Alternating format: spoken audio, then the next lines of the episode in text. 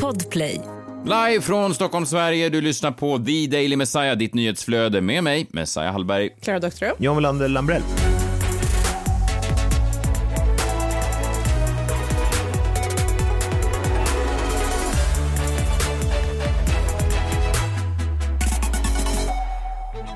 Oj, oj, oj vad man älskar när det är eh, kärlek på gång. Gör ni inte det? Ja, eller vadå? Vad är det för kärlek? Ja, men ni som känner mig i alla fall, ni vet att jag älskar när folk är lyckliga och det tänkte jag prata lite mer om i dagens minut. Messiahs minut, Love Special. Love Special idag i Messiahs minut. Nej, jag läste bara i eh, kvällstidningarna i veckan här om Ben Mitkus. Vad, vad kallar man honom? Jag vet inte, han är väl någon slags YouTube. han var med i YouTuber. Mello också för något. eh, Han var med i någon, eh, ja han, han sjöng någon låt när det, det regnade, tror jag, på scen, när han var med i Mello. Ja. Eh, han har någon ny eh, kärlek då, så skrev de här är kärlekslyckan. Jag tror att det var Expressen som skrev det. Eh, och då bara klicka på det, inte för att jag är så intresserad av just Ben Mitkus egentligen, men det är ju alltid härligt. Jag, ni vet, ni känner mig, jag älskar när folk är, ja. kära. Lyckliga människor gör mig lycklig, brukar jag säga.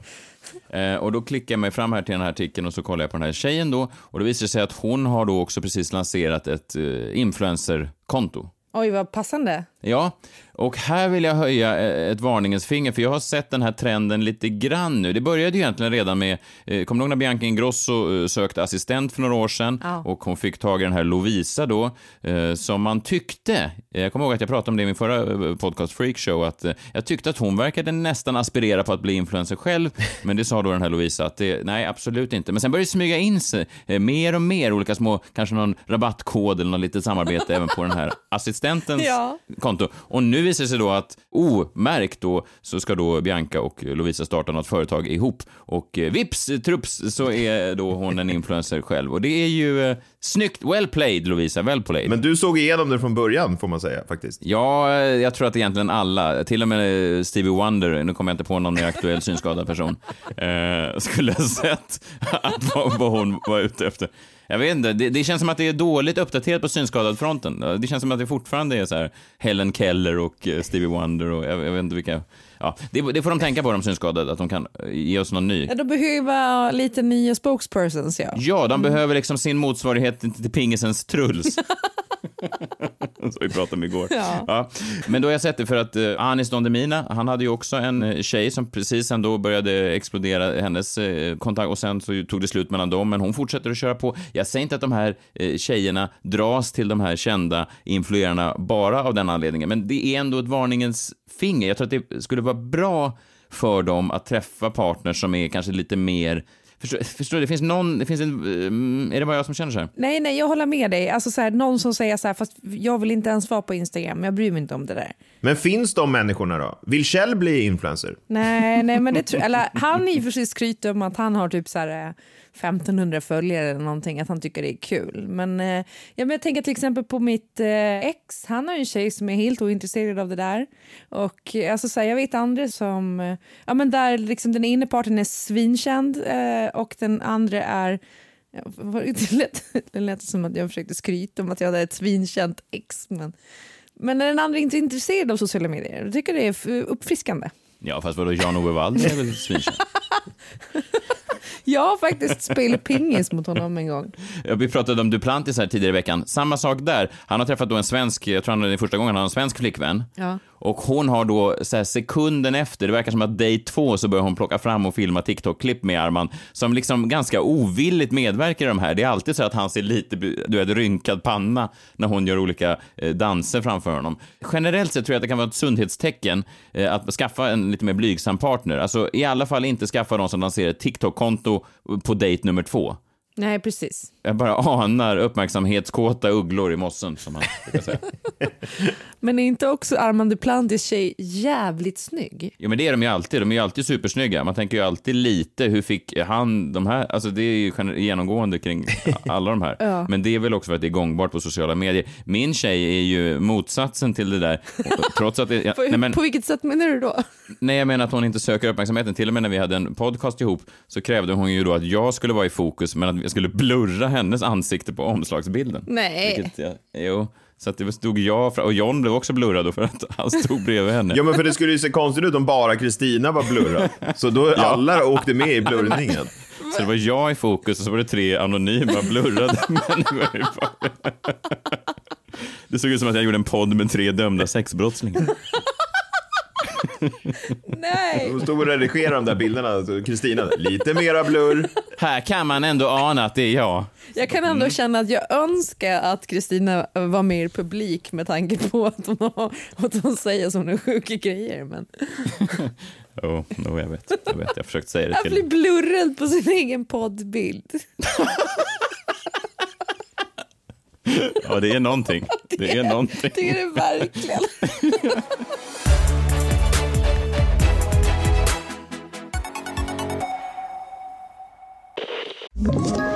Ett poddtips från Podplay. I fallen jag aldrig glömmer djupdyker Hasse Aro i arbetet bakom några av Sveriges mest uppseendeväckande brottsutredningar. Går vi in med hemlig telefonavlyssning och, och då upplever vi att vi får en total förändring av hans beteende. Vad är det som händer nu? Vem är det som läcker? Och så säger han att jag är kriminell, jag har varit kriminell i hela mitt liv men att mörda ett barn, där går min gräns. Nya säsongen av Fallen jag aldrig glömmer på Podplay.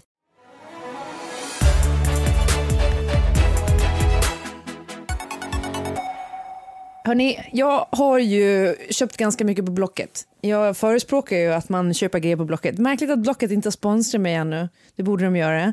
För jag tycker att det är skitsmidigt. Så här, nu när jag ska få barn handlar jag i stort sett allt där. Och precis för, eh, alltså i mellandagarna där så tänkte jag att jag skulle köpa en träningsredskap på Blocket. För att det var ju liksom billigt, smidigt, ihopskruvat, allt det där. Så gör jag det och jag använder det här träningsredskapet i några dagar och sen går det sönder. Eh, och jag har betalt liksom någon tusenlapp för det ändå. Så då, och det är min man då, det är Kjell som har varit och hämtat grejen och liksom lastat in i bilen och så vidare. Så hör vi av oss till den här eh, personen och bara, ja, men vi har lite problem här för den har gått sönder. Den eh, håller inte. Och eh, han är så här bara, det är inte mitt problem. Det är absolut inte mitt problem. Då börjar vi ruttna lite för vi tycker det är en så här fittig attityd. För att jag tänker typ hur man själv skulle vara. Jag vet inte, har ni sålt grejer på Blocket själva? Nej, jag tycker det verkar läskigt. Vadå, Du har all... Men då kommer det hem främmande människor till och ska konka ut grejer. Det- Nej, läskigt tycker jag. Jag hade någon som köpte någon möbel av mig någon gång som inte hade en bil. Och så sa han så här, skulle du kunna hjälpa mig att bära en bit? Och jag, var bor du? Ja, i Tallkrogen sa han. Det är, om man inte känner till Stockholm. Det är alltså, det är en förort. Två timmar från... Men det är ju sjukt! Man kan ju vara med om sådana där grejer och man är ju så här rädd ibland. Jag, tyck, jag tycker ju som kvinna att det är lite obehagligt att liksom vara den som har kontakt med, mm, framförallt om det är manlig. Eh, men det, det finns lite grejer man behöver ha koll på om man ska använda Blocket mycket. Det är helt sjukt att du aldrig, vadå, du har aldrig köpt eller sålt någonting på Blocket John? Nej. Och då ska man betala då i kontanter som man köper knark? Eller? Jag fattar inte riktigt hur det går till. Men vadå, har du, har du någonsin gått till en affär? Ja, men där betalar man inte med kontanter. Och där är det ju liksom folk som jobbar där. Alltså de har ju gått igenom någon slags screeningprocess. På Blocket kan ju vem som helst dyka upp. Det är, det är ingen som har kontanter John. Man betalar med swish. Swiss. Mm, jag tycker det verkar konstigt. Det känns också som att folk som eh, köper grejer på Blocket inte har Swish. Swiss. Alla på Blocket har Swish. Det är så det funkar bara, punkt. Jag har aldrig varit med om att det är någon på Blocket som har bett om kontanter. Inte efter 2010 i alla fall. Men, ja, nej, men i alla fall så höll vi på lite fram och tillbaka och vi liksom skickade bilder och filmer och försökte hålla en ganska trevlig ton med den här mannen. Eh, och vi upplevde att han var lite smådryg. Och så var liksom började Kjell och bara så här, nej, vi åker dit och ställer den på hans jävla uppfart. Ska han få den jäveln. Och var liksom så här, Men, men det hade ju inte gett dig pengarna tillbaka väl? Nej, men det hade varit så här, jag tänker inte ta hand om ditt jävla problem. Varför ska jag betala en tusenlapp för att ta hand om hans skit som borde ha gått till tippen? Egentligen. Jag förstår, det är en markering. Det är inte en eh, bra affärsmodell i längden, men det är en, en tydlig markering. Det är en tydlig markering, ja. Och Kjell var så här, skit inne på det. Och sen så kände jag bara så här i magen, bara, nej, det känns, inte, det känns som en galen människa gör det. Jag var också så här, när man är lite publik och sådär, jag, jag vet inte om jag tycker att det är en bra idé att jag åker och ställer grejer på folks uppfart. För det är ju jag som äger den nu, så det kan ju finnas att jag bryter mot någon lag där. Och sen i alla fall så sitter vi på kvällen och så Kjell kollar upp den här snubben och då visar det sig att han finns i brottsregistret. Oj. Det kan man ju inte släppa, för då blir man ju så här, vad fan har han gjort? Jag måste ta reda på det här. Så jag köper domen. Och jag vet inte om ni har köpt någon dom någon gång, men allt står ju där. Alltså ni, på liksom vartenda förhör då visar det sig att han har blivit dömd för grov kvinnofridskränkning och eh, olaga hot Oj, mot flera personer. Varpå eh, han bland annat då har hotat några människor och sagt att jag har så mycket pengar så att jag kan få er att försvinna. Åh, herregud. Och där jag bara, ah, du vet, man tar så jävla puls och man så börjar kolla ut genom fönstren och bara, tänk om man är här, tänk om man är här. Vad, vad var det senaste du skrev till den här jäveln? Vad har du gjort liksom till Kjell? Och han bara, nej men jag har liksom varit trevlig och så här. Och så slutar det typ på kvällen att han swishade tillbaka pengarna. Bara liksom, så han var schysst till slut. Men det blev ändå så jävla puls för man tänkte ah, så här, nej ah. men det, skulle vara, det är så jävla typiskt mig att jag hamnar på Blocket med någon jävel som har hotat och fimpat människor. Men det har alla på Blocket gjort. Det var ju det min poäng var. Alla på Blocket har ju sådana här domar. Man har inte där att göra. Jag säljer och köper jättemycket på Blocket och jag tycker att jag är en vettig, för det mesta vettig person som liksom ja. inte har... Jo, men så finns det domarna mot dig också. jag har ingen dom. Nej, fast vi har, du har ungefär 70 poddavsnitt där du framstår som inte helt sane. Jag menar bara att det kan nog finnas en del skit på dig också. Kanske. Det var också roligt när man läste vissa grejer som han hade skrivit sms och, och så till liksom en kvinna som han hade då blivit dömd för eh, kvinnofridskränkning. Men jag bara, fan det där är inte så långt ifrån grejer som jag faktiskt har skrivit. Nej, det kan ju hända så, Klara, att du faktiskt har sålt en massa skit som folk vill lämna tillbaka och sen så kommer någon och säger nej, skriv inte mer med hon. Jag lyssnar på ett poddavsnitt och eh, hon har precis slängt ut sin mans kläder på tomten. Hon verkar inte stabil. Jag ger inte upp locket. Jag kommer fortsätta att köpa och sälja begagnat för jag tycker det är trevligt och, och ekonomiskt. Jan, jag ska visa dig någon gång hur man gör. Kan vi inte göra det? Det hade varit mysigt. Gör det som ett event. Säljes. En bättre begagnad jombola. ja, ja.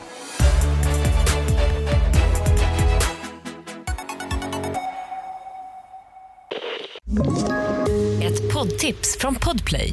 I fallen jag aldrig glömmer djupdyker Hasse Aro i arbetet bakom några av Sveriges mest uppseendeväckande brottsutredningar går vi in med hemlig telefonavlyssning och, och då upplever vi att vi får en total förändring av hans beteende. Vad är det som händer nu? Vem är det som läcker?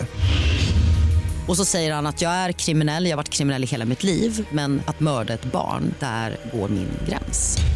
Nya säsongen av Fallen jag aldrig glömmer på Podplay.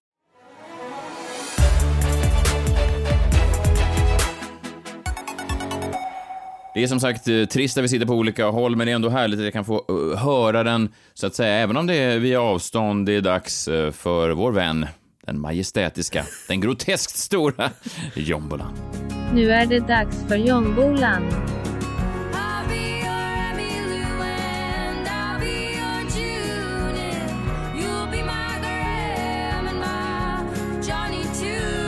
Nu är det dags för Jombolan. Men det är ju den tiden på året när det dyker upp en eh, ny dokumentär på SVT om eh, någon svensk känd kulturikon. Det brukar ju komma en varje vinter då. Det har varit Astrid Lindgren tidigare, Ulf Lundell, Cornelis Vreeswijk.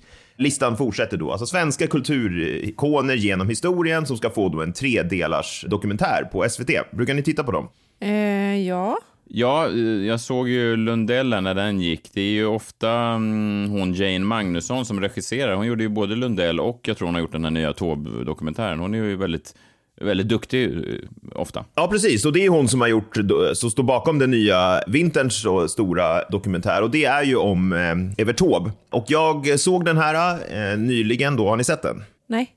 Inte ännu. Jag har faktiskt inte gjort det. Jag, jag, vet inte vad det är, men det är någonting med Evert Taube. Det här är väl såklart som att bränna en helig ko i svenska kulturkretsar, men jag är faktiskt ofattbart ointresserad av Evert Taube. Alltså, jag vet inte vad det är, men det är någonting Det gör ingenting för mig. Nej. Nej, jag förstår lite vad du menar faktiskt. Ja, jag tror inte jättemånga håller med dig, för han känns ju som en av Sveriges största kulturprofiler genom tiderna i alla fall. Och eh, tre timmar är ju ganska lång tid att ägna eh, åt en dokumentär då kan man ju tycka. Så jag tänkte jag drar igenom den här dokumentären och plockar russinen ur kakan så att man slipper se den. Mm. Vad snällt av dig. För det är inte riktigt en dokumentär om Evert Taube. Det är kanske 50 procent det. 40 procent kanske. Kanske till och med 30 procent och resten är någon slags halvdant avsnitt av Så mycket bättre. För liksom, det handlar lite grann om Evert Taube och sen dyker de in då. Jane Magnusson har tryckt in små konserter med Stefan Sundström, Miriam Bryant, Ebbot och en massa andra som då sjunger Taube-låtar. Och alltså inte små snuttar, utan de står och sjunger hela låtar. Vi kan väl lyssna hur det låter.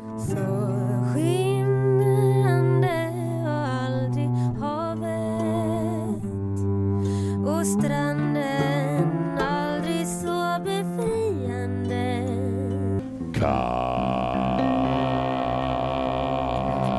Alla den enkla marken eller himla jorden om du vill Jorden Är det där din farbror Bengt?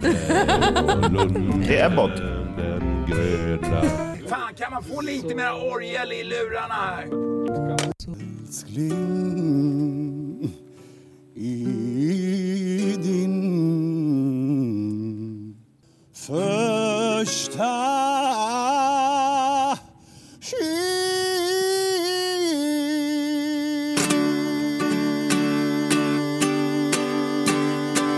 Ja, och så där fortsätter det bara då. Det är massa som står och skriker Taube-låtar då i merparten av dokumentären. Ja, än så länge är jag inte mer sugen på att se den. Nej, inte samma. Du gjort ett dåligt jobb att, sälja in. Jag tycker inte ens om Så mycket bättre. Nej, och det är också konstigt för att så här, alltså, att om man vill se folk tolka över Taube-låtar, det är väl inte det man vill se i en, en Taube-dokumentär? Eller alltså, man har väl hört låtarna? Ja. Men den delen som faktiskt handlar om Evert Taube då, ja alltså dokumentären hinner ju knappt börja, ska jag säga. Den hinner knappt börja innan Jane Magnusson och gänget går rakt på det här. Och det har inte heller så mycket att göra med Evert Taubes liv. Och jag antar att det är ängsligheten hos kanske Jane Magnusson och producenterna, eller kanske inköparna på SVT, som lett till att man har bestämt att det här måste vi snabbt avhandla. För det här måste då alla i sofforna sitta och tänka på, så vi, vi går snabbt in på det. Och jag antar att ni kan lista ut vad det är. Ja, är det- är, det, besök hos eh, så kallade glädjeflickor eller någonting? Ja. Såklart att det handlar då om det, det problematiska i Evert Taubes många texter. Och det, de kastar snabbt in den här. Och vi kan ju börja, vi hör sångaren i Bo Kaspers Orkester först här. Jag kan tänka det ibland när, när jag sjunger Kalle Schewens vals. Någonting angående den kvinnosyn som ju då eh, man, man, han hade, eller den generationen hade. Kan man sjunga Kalle Schewens vals för en yngre generation i vilket sammanhang som helst. För efter den här metoo-vågen så, så finns ju saker i texten som är “Jag är som en pojke fast farfar jag är” och han träffar den här unga kvinnan. Men själv är så barnsliga han som har kysst och du tänker att karlar är ett. Ja, kan man sjunga Kalle Schewens vals, tycker ni? Ja, kan kan man väl. Vi sa väl häromdagen att konsten var fri va? Ja, jag, jag, alltså det, är- framförallt så är det väl, det är, det är alltid svårt att köra någonting som var aktuellt då genom samtidens eh, lins. Så är det väl lite grann. Och det, jag tycker också att det har inte kanske jättemycket att göra med Evert Taubes liv. Och jag tänker lite så här när Bo Kasper säger det här.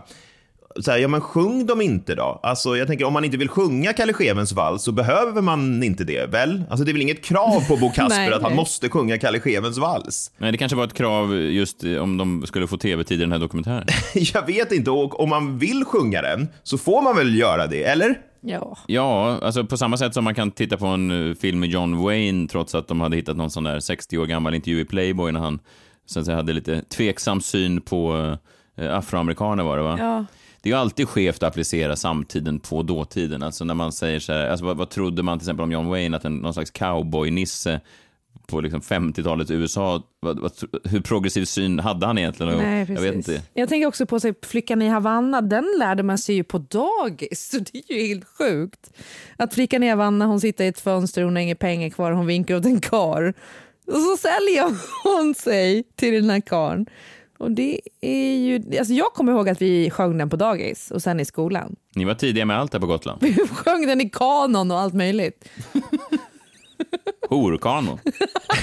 Om man inte vill titta på en John Wayne-film eller sjunga Kalle Schewens vals så behöver man ju inte det. Alltså man kan ju också inte göra det. Så att, jag menar, det är ju, man har ju ett val så att säga. Sen förstår jag inte riktigt vad som är så hemskt med de här textraderna i Kalle Schewens vals. Och jag vill verkligen ta höjd här för att jag missar någonting. Det är bara att jag förstår inte riktigt vad det är som är så hemskt. Kan vi inte lyssna igen på hans exempel och, och, och se om, om ni hör? För det kan ju bara vara att jag, att jag missar någonting. Jag är som en pojke fast farfar jag är. Och han träffar den här unga kvinnan. Den själv är så barnsliga han som har kysst och du tänker att kar är troll. Alltså jag fattar inte. Jag är som en pojke fast farfar jag är. Vad, vad är det då att... Nej men jag, jag förstår Han är inte. väldigt, väldigt gammal. Jo jag vet, men han känner sig ung. Han är ute med någon som är lite för ung för honom då. Ja. Barnsligt förälskad i någon ung flicka. Fast Jo han... för det, han säger inte att han är ute på dejt. Ja, jag vet inte, det antyds väl det. Vilket man skulle kunna hävda att det nästan är progressivt av honom på den tiden, för då tänker jag att det var inte så många som hade åsikter om det. Alltså det känns nästan som att sån age-shaming är mer eh, i ropet nu. Så artister som dejtar för unga tjejer nu känns ju nästan som att det är, är mer tabubelagt nu än vad det var då, eller? Säkert, men det, det, som sagt, det kan ju bara vara att jag inte fattar de här texterna. Men, men efter det kommer Jane Magnusson, i alla fall, som gjort dokumentären, tack och lov och tar andra exempel på hemsk kvinnosyn i fler låtar än Kalle Schewens vals. Men även här, jag tror jag missar lite även här vad det hemska är. Ni kanske kan hjälpa mig. Kalle Schewens vals är en av flera Evert Taube-bitar med en förlegad kvinnosyn. Låten ni exempelvis hör här heter Pepita dansar och handlar om en flicka som blir av med oskulden till en skojare, Fernando. Va, jaha, alltså det var någon som blev av med oskulden till en skojare. Är det det som är problemet? Eller är det att hon är en flicka? Alltså ordet flicka. Eh, Att hon är så ung då. Och sko- jag vet inte hur det här besjungs liksom i texten. nej, och vad går gränsen för flicka? Jag menar, är det någon över 18 så är det, for- det eller över 16, jag vet inte var, var gränsen går. Men också roligt att hon blir av med oskulden till en skojare. Så här, jaha, okej. Vad, vad, är- vad betyder det? Är det en bedragare eller är det bara en svensk ståuppkomiker? En skojare, Fernando, vilket är ju lite av ett skojarnamn. Men också att oskulden är en grej, det är väl det som jag tycker är problematiskt. Är det det de menar då? Som en kvinna, är det någonting som du blir berövad på? Du blir berövad på din oskuld medan mannen är den som tar den. Alltså redan där blir ju kvinnan, flickan passiv och mannen blir aktiv. Att Fernando då stack iväg både med hennes plånbok och hennes oskuld? Ja men precis, och det, tycker jag, det är ju förlegat. Så, så ska vi ju inte prata kring det längre. Alltså så här, det är irrelevant med oskuld och, och inte tycker jag. Men sen också, hon säger så här, Kalle Schewens vals är en av flera Evert Taube-bitar med förlegad kvinnosyn. Och där, även där så är jag inte riktigt med på budskapet. Alltså Evert Taubes texter är förlegade. Ja, de är väl för fan hundra år gamla. Nej, men alltså, alltså, han skrev väl de här på fan 20-talet eller någonting. Nej, verkligen. Vem hade kunnat tro att Triceratopsen hade en sån tveksam syn på hbtq-personer? Ja, men, ja, alltså eh, precis. Jag vet inte, att, att, men det är en konstig poäng att så här, de här texterna är förlegade. Ja. Ja, det skulle jag nästan räkna med. Ja. Men samtidigt då, jag förstår verkligen liksom den övergripande poängen att han, Evert Taube sjunger romantiserande om kvinnor som arbetar som prostituerade och eventuellt då kanske minderåriga som blir av med oskulden. Jag vet inte. Eh, Jag vet bara inte varför man måste göra den poängen i en dokumentär om Evert Taubes liv. Alltså inte alla redan med lite grann på det här? Är de det då? Nej, jag vet inte. Det är kanske bara jag som har tänkt att ja, men det här har man väl känt till länge, den här flickan i Havanna, att den är... Döma av mitt Facebook-flyd och eh, släktingar och eh, vänskaper på Gotland så har ju inte folk den kollen eller det perspektivet som du har. Och då kanske det behövs nämnas för att det ska bli en tankeställare eller för att SVT framför allt tror jag det handlar om att SVT vill ha rent i påsen. Ja, men det tror jag verkligen. Och jag, menar, jag, jag fattar ju verkligen poängen och att SVT vill, vill göra den poängen. Eh, men återigen, jag är ju mest nyfiken också på liksom, Evert Taubes liv kanske lite grann. Ja. Även om Messiah inte är Men också lite så tiden som man levde i, det Sverige som man levde i, det vill man ju veta om. Ja, precis. Hittills har det bara varit Så mycket bättre och då eh, poänger rimliga om hans förlegade texter. Ja. Men vem är då Evert Taube? Det är ju ändå en tre timmar lång dokumentär om honom och jag är lite osäker, men mot slutet så tror jag att jag inser vem han är. Han är Björn Ranelid. Okej. För vi minns ju när Björn Ranelid hade låtit någon skriva en så kallad blurb på framsidan av hans senaste bok. Ja. Man kan ju ta in då någon utom, alltså antingen tar man en vad en journalist har skrivit om boken eller någon annan person som kan skriva då om boken på bokens framsida. Och vi kan väl höra vem som gjorde det på Björn Ranelids senaste bok. Bill Nilssons Sista vita skjorta heter din eh, senaste roman och eh, någon har skrivit så här om den. Läs romanen Bill Nilssons Sista vita skjorta och jag lovar er att ni inte blir besvikna. Ty det är ett litterärt mästerverk. Vem har skrivit det här? Det har jag skrivit. Sån jävla dröm det där att kunna bara skriva sina egna recensioner helt skamlöst. Ja, precis. Björn Ranelid skrev då en, en recension om sin egen bok på sin egen boks framsida. Och Evert Taube vill jag då hävda är Björn Ranelid, eller Björn Ranelid är den nya Evert Taube. För när Evert Taube hade en konsert i Göteborg så dagen efter så dök det upp en recension i Svenska Dagbladet av eh, konserten. Och vad stod det där då? Dessutom så kommer det en recension i Svenska Dagbladet som det så visar sig sen att Taube har skrivit själv. Så Evert Taube då, han höll en konsert och sen åkte han snabbt hem för att skriva en recension om den konserten för att skicka in till Svenska Dagbladet så de kunde publicera den dagen efter. Och det är otroligt. Det är Björn Ranelidskt. Ja, men nästan, ja precis, nästan ännu mer så i och med att han måste hem då, skrivmaskinstid och sitta och knappra, skicka in, lägga på posten, få med det på brev. Det är jävla många steg liksom. Ja, det kan ju vara så att han skrev recensionen innan konserten för att spara tid. Ja, såklart, för om man ska hinna med postgången också, de var ju tidig på den tiden, det skulle säkert gå innan ett, så då, då låg den antagligen redan på lådan till Svenska Dagbladet. Hur kunde den här recensionen komma fram innan konserten var genomförd? Men inte nog med det. Eh, Evert Taube instiftar också något slags eh, Taube-stipendium, dit andra också var med och skänkte pengar. Och Evert själv satt ju i styrelsen för det här stipendiet.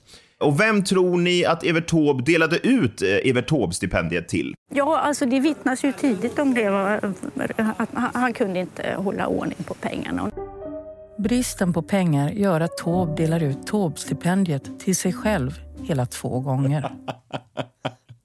Nej. Alltså, det, han, han instiftar alltså ett stipendium där fler människor får vara med och skänka pengar till. Och sen delar han ut då Evert Taube-stipendiet till Evert Taube. Två gånger. Två gånger, det är också roligt för att det innebär ju också att han har tänkt över, finns det andra kandidater? Nej, jag, det, jag har varit så bra så att jag, jag tar det i år igen. Ingen lever upp till originalet. Det är lika bra att dela ut dem till mig själv. Ja, det är bara män som kommer undan med sån här skit. Han hade samma dominans på det där priset som Zlatan hade på Guldbollen, men jag tror inte att Zlatan delade ut sig till sig själv tolv gånger. Nej, vi får se om det kommer fram i en dokumentär om Zlatan om hundra år. det var Zlatan som satt i juryn. Ja, men där har ni i alla fall en tre timmars lång dokumentär om Evert Taube sammanfattad. Eh, De enda slutsatserna jag alltså lyckades dra av hans liv var att Evert Taube var Björn Ranelid och att hans hundra år gamla texter är något förlegade. Men det kanske säger mer om mig än om dokumentären.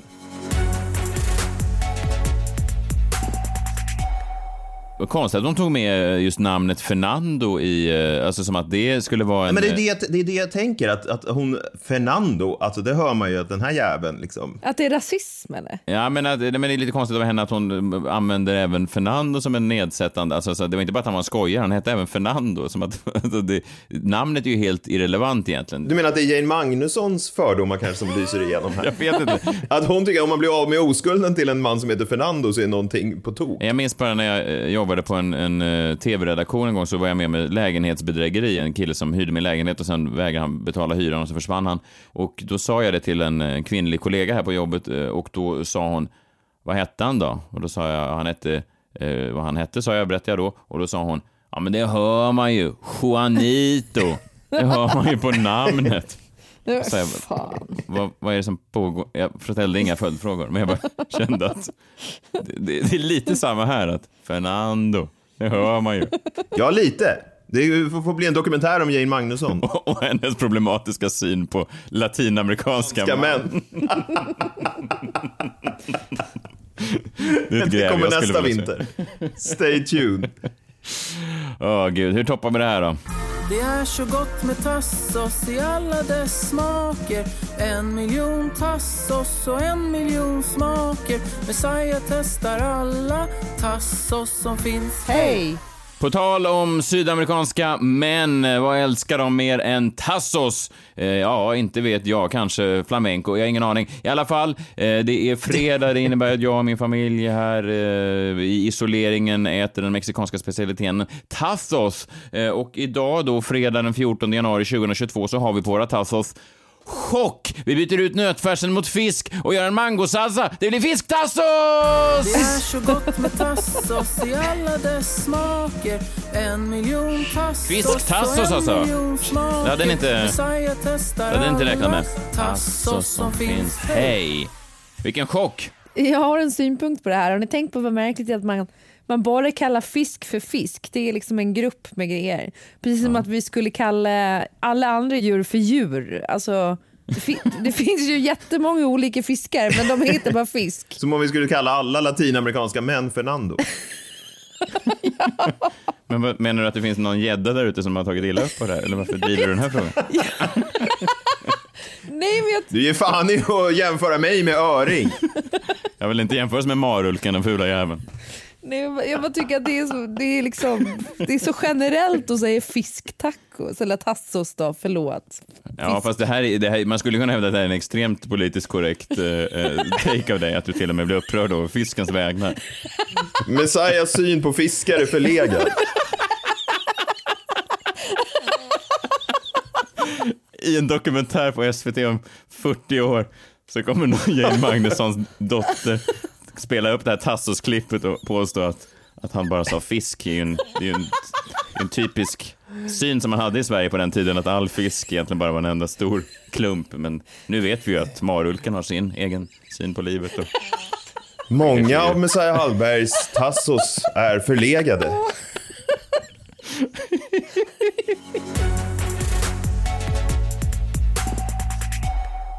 Ja, men det var det. Jag vet inte hur länge vi ska sitta i, eh, i den här karantänen, men det är i alla fall eh, tag till över helgen och så vidare. Så att vi hoppas att vi kan se varandra face to face i nästa vecka om allt vill sig väl. Peppar, peppar. Eh, nu, eh, ja, nu tackar vi för den här morgonen, den här förmiddagen när ni än lyssnar. Jag vet inte om ni har sagt det, men det här är ju en podd för hela dagen. Har jag nämnt det? Eh, nej men det kan du göra igen, det är väl värt. Ja, det är väl värt att göra det. Det är lite vår USP så att säga, att när som helst kan man lyssna på oss, till skillnad från andra poddar som man kan lyssna på en gång och sen sprängs de i bitar. Eh, tack för att ni har lyssnat. Nu ska vi göra någonting ganska nytt. Eh, Andreas Jonsson är alltså med oss på länk. Han är med oss här på Zoom. Han står i vår studio. Andreas, eh, ge en tumme upp om du är redo. Take it away. Friday, Friday, gotta get down on Friday. Everybody's looking forward to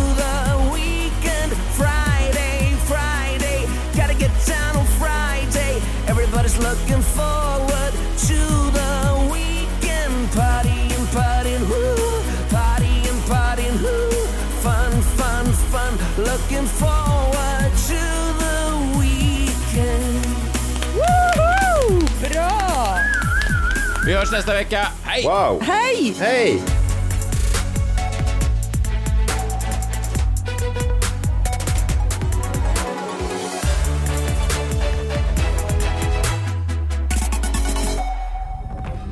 Podplay, en del av Power Media. Ett poddtips från Podplay. I podden Något Kaiko garanterar östgötarna Brutti och jag, Davva, dig en stor dos skratt. Där följer jag pladask för köttätandet igen. Man är lite som en jävla vampyr. Man har fått lite blodsmak och då måste man ha mer. Udda spaningar, fängslande anekdoter och en och annan arg rant. Jag måste ha mitt kaffe på morgonen för annars är jag ingen trevlig människa. Då är du ingen trevlig människa, punkt. Något Kaiko, hör du på Podplay. Därför är gardinerna.